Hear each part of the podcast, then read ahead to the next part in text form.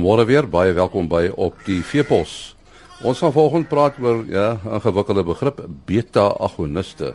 Ons praat daar met professor Jacques Snyman, 'n kliniese farmakoloog. En dan praat ons met uh, Frans Jordan van die LNR hier op Irene. En ons gaan met praat met hom oor uh, studies wat hy gedoen het oor koeidoeltreffendheid.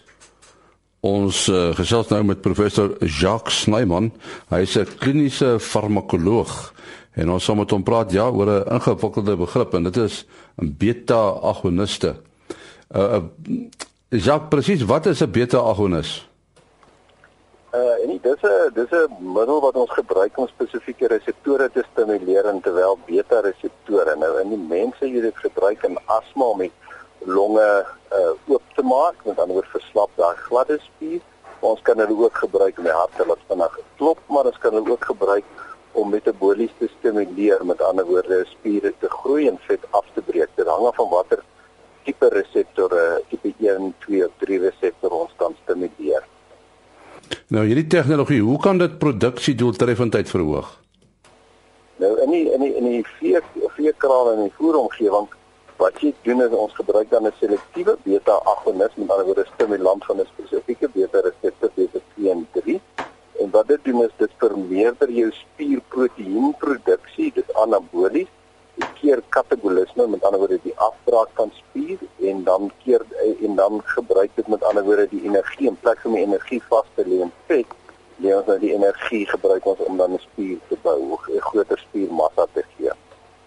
Is dit dieselfde as 'n anaboliese steroïde? Nee, dit is nie dieselfde dit totaal ander uh, produk. Met ander woorde, dis nie 'n 'n steroïd nie. Dit het nie daai 'n kernreseptor effek nie. Dit stimuleer gewoon op die selmembrane reseptor wat vir ons dan die uh kom ons sê die die sneller meganismes binne in die sel aan die gang sit om proteïen te bou. So ek het glad nie die neeweffekte of uh wat mense sou verwag van 'n anaboliese steroïd nie. Ja, as mense hoor dat 'n mens voeter met selle en al die goed dan sal hulle bietjie agterdogtig. Is dit veilig om te gebruik? Dis heel veilig om te gebruik. Ja, veral as mens kyk na die kortwerkings, is dit baie vinnig uit jou dier uit. Dis 'n uh, halfleeftyd van van 'n van 'n 2 ure of selfs minder. So die kortwerkings is is is nog voor as jy vandag ophou voer, is dit môre uit die uit die uit die dier uit. Dit dit het ook die voordeel dat dit op die dier baie min neeweffekte. Die langer werkendes het veral uh op die diere 'n paar effekte wat mens moet in gedagte hou is dat as jy somermaande voer, kan hulle 'n bietjie te warm kry en dan eh, verminder hulle kosinname. So jou hele gedagte is met ander woorde om jou voer tot spierbou te optimaliseer. So vir dieselfde voer wil jy baie meer spiere bou. Uh so dis ek moet sê die langwerking is kan daai effek hê in warmer maande. Kortwerking is nie so geneig daartoe nie. En dan het jy ook uh, met die kortwerking is nie regtig 'n effek op jou uh, hartspier nie terwyl ons langer werkendes kon dan vir jou hartspier aantasting gegee wat ons nie kry nie. So dit hang af watter middel jy kies. Uh watter neeweffekte of of of kom ons sê vryheid van neeweffekte ons dan daar het.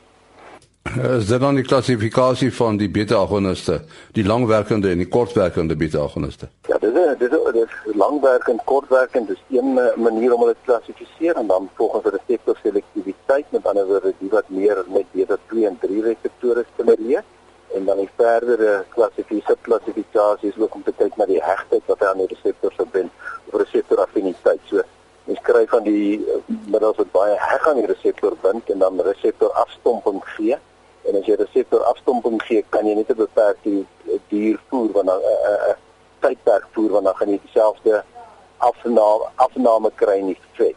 Terwyl jy as jy minder regte vinniger aan afreseptor effek het, dan kry jy baie beter reseptor effek oor 'n langer tydperk en dan maak dit nie saak hoe lank jy sou voer nie. Nou, in die veebedryf is dit dan meer die voerkrale wat hierdie goed gebruik dis veral veral waar mense in 'n voerkraal omgewing met ander woorde jou jou voer tot spiermassa produksie wil verhoog. Dis waar jy jou grootste voordeel van kry, ja. En en nou glad nie in die in die suiwel met daai melk nie, né? Nee, nee. Dit is dit is suiwer met die proteïen en die spierproduksie dat jy daar ver. Hoe wyd word dit gebruik in Suid-Afrika? Al vir jaar het ons verskillende produkte al op die mark in Suid-Afrika. So die voerkrale gebruik dit redelik wyd uh, in Suid-Afrika. So die vir al die langwerkendes was al uh, ek ek wil uh, sê vir die laaste om amper 20 jaar beskikbaar terwyl die kortwerkendes het later gekom en en en het nou ook nou maar dieselfde mark uh posisie ingeneem. So mens kan presies as jy dit nie gebruik nie dan staan jy laaste in die tou. Nou dit dit, dit beteken dat jy moet jy moet baie meer voer gooi om om om om 'n swaarder dier te kry dan wat jy ook het dan het jy 'n groter uh vetinhoud van jou karkas. Uh met ander woorde herpartisionering van jou karkas is anderster as jy 'n beter agoniste gee. Jy sê 'n maarder en meer spier karkas. So uh, wat jy eintlik impliseer, dit is koste doeltreffend om liewer beter agoniste te gee as as meer voer. Korrek. Met ander woorde jy verhoog jou voerkoste doeltreffendheid jy het beter agoniste by dit, ja. Ja, dit was dan uh, Jacques Snyman, professor Jacques Snyman. Hy is 'n kliniese farmakoloog en ons het met hom gesels oor die gebruik van beta agoniste. Ons praat nou met uh, met Frans Jordan, hy's 'n navorser uh, by die vleisbees verbeteringsprogram by die uh, LNR, dit is die Landbou Navorsingsraad se diereproduksie instituut op Irene. En ons uh, gaan 'n bietjie met hom praat oor koei produktiwiteit en doeltreffendheid. Uh dit klink nou of almal verstaan wat 'n uh, koei produktiwiteit presies uh, is, Frans, maar verduidelik wat word bedoel daarmee? Goed, uh koei produktiwiteit is maar net 'n gedeelte van doeltreffendheid. Uh toe uh, wanneer 'n koei doeltreffend is wanneer sy op 'n doeltreffende manier produseer. Met ander woorde, uh jy wil gewoonlik jou koei of jou raamtipe van jou koei wil jy konstant probeer hou, maar jy wil jou produksie verhoog. En as dit as jy dit kan regkry deur jou koei se raamtipe konstant te hou of haar volwasse gewig konstant te hou maar haar produksie te kan verhoog, dan praat jy van 'n uh, doeltreffende produksie van 'n koei. Uh het dit iets met voedselinname te doen, hierdie raamgrootte, uh, jy weet uh, wat hoe treffendheid betref? Ja, inname is gekoppel aan raamtipe. Hoe groter jou koei, hoe groter is haar onderhoudsbehoeftes en gaan sy meer kos benodig. En uh waar jou koei dan die omgewing begin 'n rol te speel wanneer die koei dan sukkel om aan te pas in 'n swakker omgewing as haar raamtipe ver, verhoog. So met ander woorde, sy het meer kos nodig om te produseer en dan kan ook uh wat wat dan dan uh, nadelig beïnvloed word is haar reproduksie. Wanneer sy sukkel en nie genoeg voedsel inneem nie, gaan dit haar reproduksie beïnvloed en gaan sy 10 teen 1 uh kan dit gebeur dat sy gaan oorslaan en nie vir elke jaar 'n kalf produseer nie. Is dit uh, moontlik hoekom meeste diere hier in Suid-Afrika medium ram is? Ja, want 'n groot gedeelte van Suid-Afrika van Suid-Afrika is ekstensiewe uh, omstandighede. Met ander woorde, dit is nie intensiewe aangeplante weiding uh, boerdery nie. En ehm um, daarom gaan ons vir ligte rame en dan selfs kleiner rame in jou uh, droër areas waar die diere ver moet loop vir hulle kos. Ja, dink aan Jan Goonies. Ehm uh, ras is die uh, die beefmaster wat wat eintlik van Amerika afkom, is 'n uh, sintetiese ras. Uh, is hy 'n medium of 'n groot ram? Die beefmaster uh, is gaan deur as 'n medium na groot ram toe want diere kan ehm um, vir 'n spesifieke ras kan jy binne ras het jy ook variasie.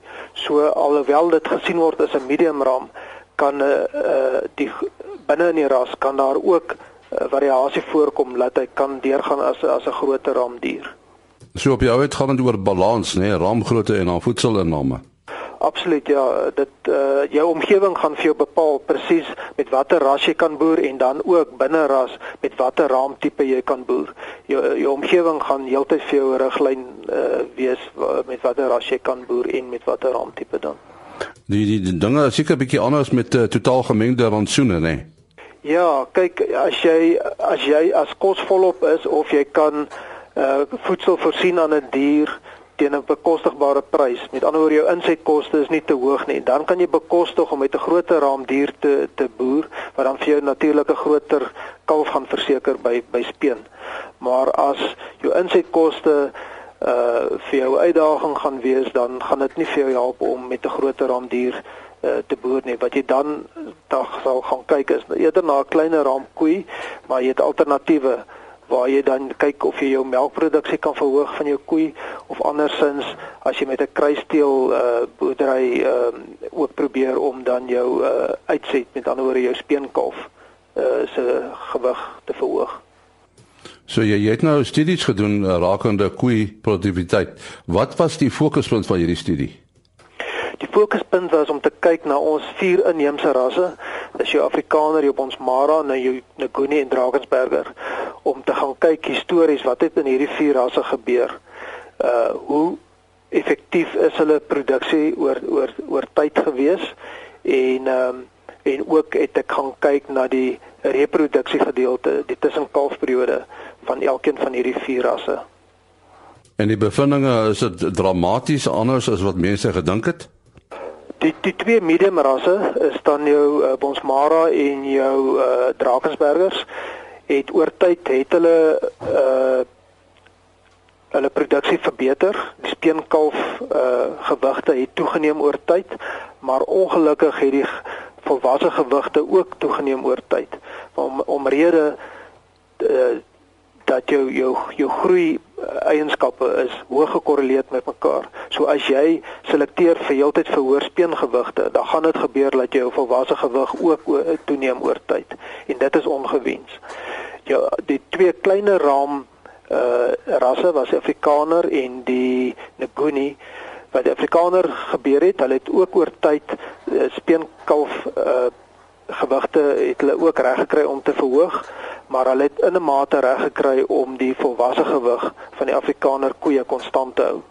Wat gebeur het in die Nguni is omdat daar geen uh nasionale teelstrategie is om speengewigte te verhoog in die Nguni ras nie, het hulle speengewigte afgeneem en ook omdat die volwasse gewig hoog gekorreleer is met speengewig, het die volwasse gewig van hulle koeie ook afgeneem. Maar wat wel in al vier van hierdie rasse gebeur het, hulle het tussen kalfperiode het in al vier rasse het dit verbeter. So die die in al vier rasse het het die uh doeltreffendheid van die rasse toegeneem as gevolg van goeie reproduksie. Ja, is 'n interessante inligting, né? Frans Jordan, navorser by die vleisbeesverbeteringsprogram by die LNR Diereproduksie Instituut op Irene daarmee ook die einde van die program. Tot môreoggend, moeder.